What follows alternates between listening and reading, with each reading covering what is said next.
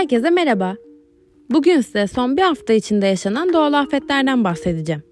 2020 yılının sonuna doğru yaklaşırken felaketlerin ardı arkası kesilmiyor. İlk haberim Suudi Arabistan'dan. Suudi Arabistan tarihinin en büyük kasırgasını yaşadı. Yaşanan büyük fırtına ve kasırga hayatı olumsuz etkiledi. Kentte birçok ev ve araç hasar gördü. Kasırga görüş mesafesini sıfıra indirdi. Can kaybı yaşanmadı.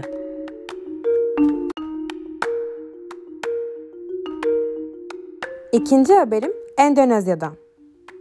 Endonezya'daki yanardağ patlaması sonucu yaklaşık 3000 kişi evsiz kaldı.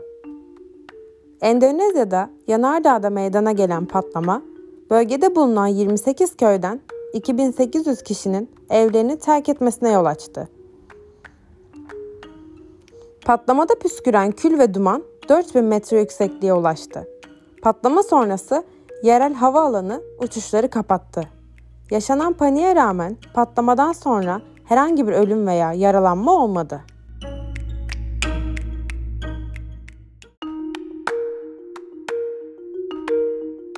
Endonezya, patlama potansiyeli bulunan 130 yanardağ ile bu konuda dünyada ilk sıralarda yer alıyor.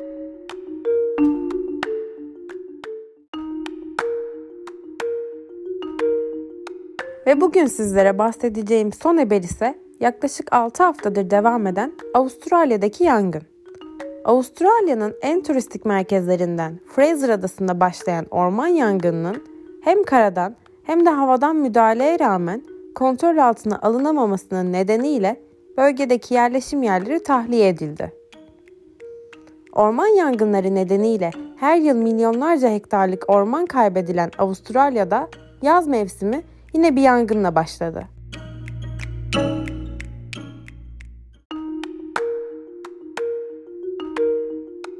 Sıcaklığın 40 derecenin üzerine çıkması nedeniyle yangın çıktı. 83 bin hektarlık orman kül oldu. Duman nedeniyle bölgede görüş mesafesi ve hava kalitesi azaldı. Bu yangından sonra yeni kanunlar getirildi. Bu kanunlar kapsamında söz konusu merkezlerde izinsiz ateş yakılamayacak ve belirli bölgelere izinsiz giriş yapılamayacak.